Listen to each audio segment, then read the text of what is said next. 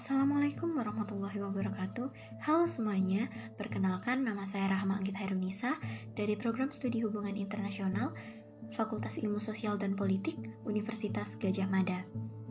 Nah jadi, pada kali ini saya akan membuat podcast terkait isu yang masih marak sekali terjadi di masyarakat Kira-kira isu apa sih yang saya angkat?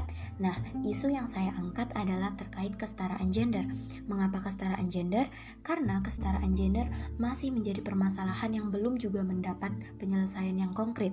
Permasalahan gender ini masih sering kali dianggap sepele oleh sebagian besar masyarakat, terutama masyarakat yang masih terpaku pada nilai-nilai tradisional. Isu ini bisa menjadi momok yang mengakar di masyarakat apabila tidak kunjung diatasi dan masih dinormalisasikan. Mungkin teman-teman bertanya-tanya kenapa saya mengangkat isu ini dan apakah sekrusial itu dan sepenting itu untuk kita angkat.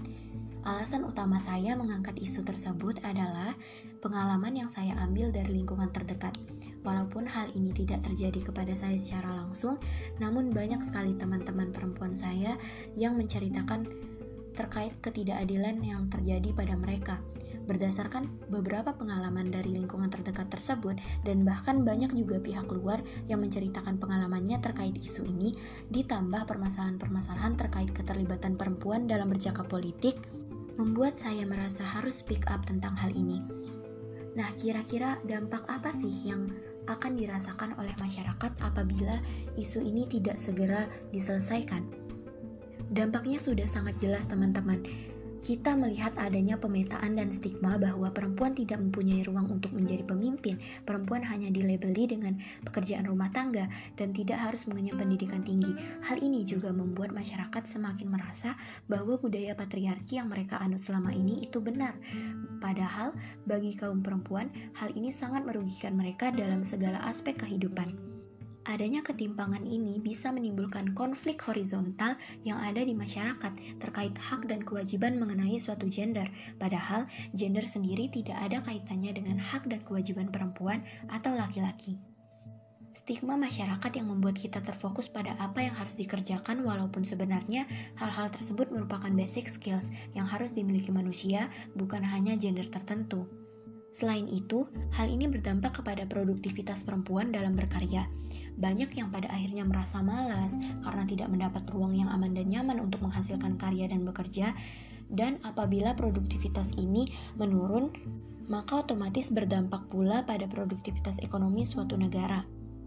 Seperti yang kita ketahui, ada banyak presentase perempuan apabila semuanya memilih untuk tidak bekerja dan menghasilkan karya, maka ekonomi juga akan menurun pada akhirnya. Setelah mengetahui dampak apa saja yang akan terjadi apabila isu ini tidak segera diatasi, maka kita harus menentukan strategi untuk meningkatkan kesadaran atas isu ini. Apa sih yang bisa kita lakukan untuk meningkatkan kesadaran? Yang paling utama dan terutama adalah edukasi, teman-teman. Mengapa edukasi? Karena edukasi merupakan salah satu cara meningkatkan awareness. Edukasi ini harus dilakukan menyeluruh dari ruang lingkup terkecil, yakni keluarga.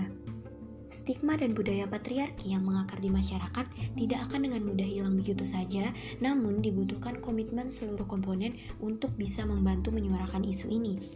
Edukasi dapat dibentuk dalam hal-hal yang menarik seperti video animasi, podcast, poster, dan media lainnya.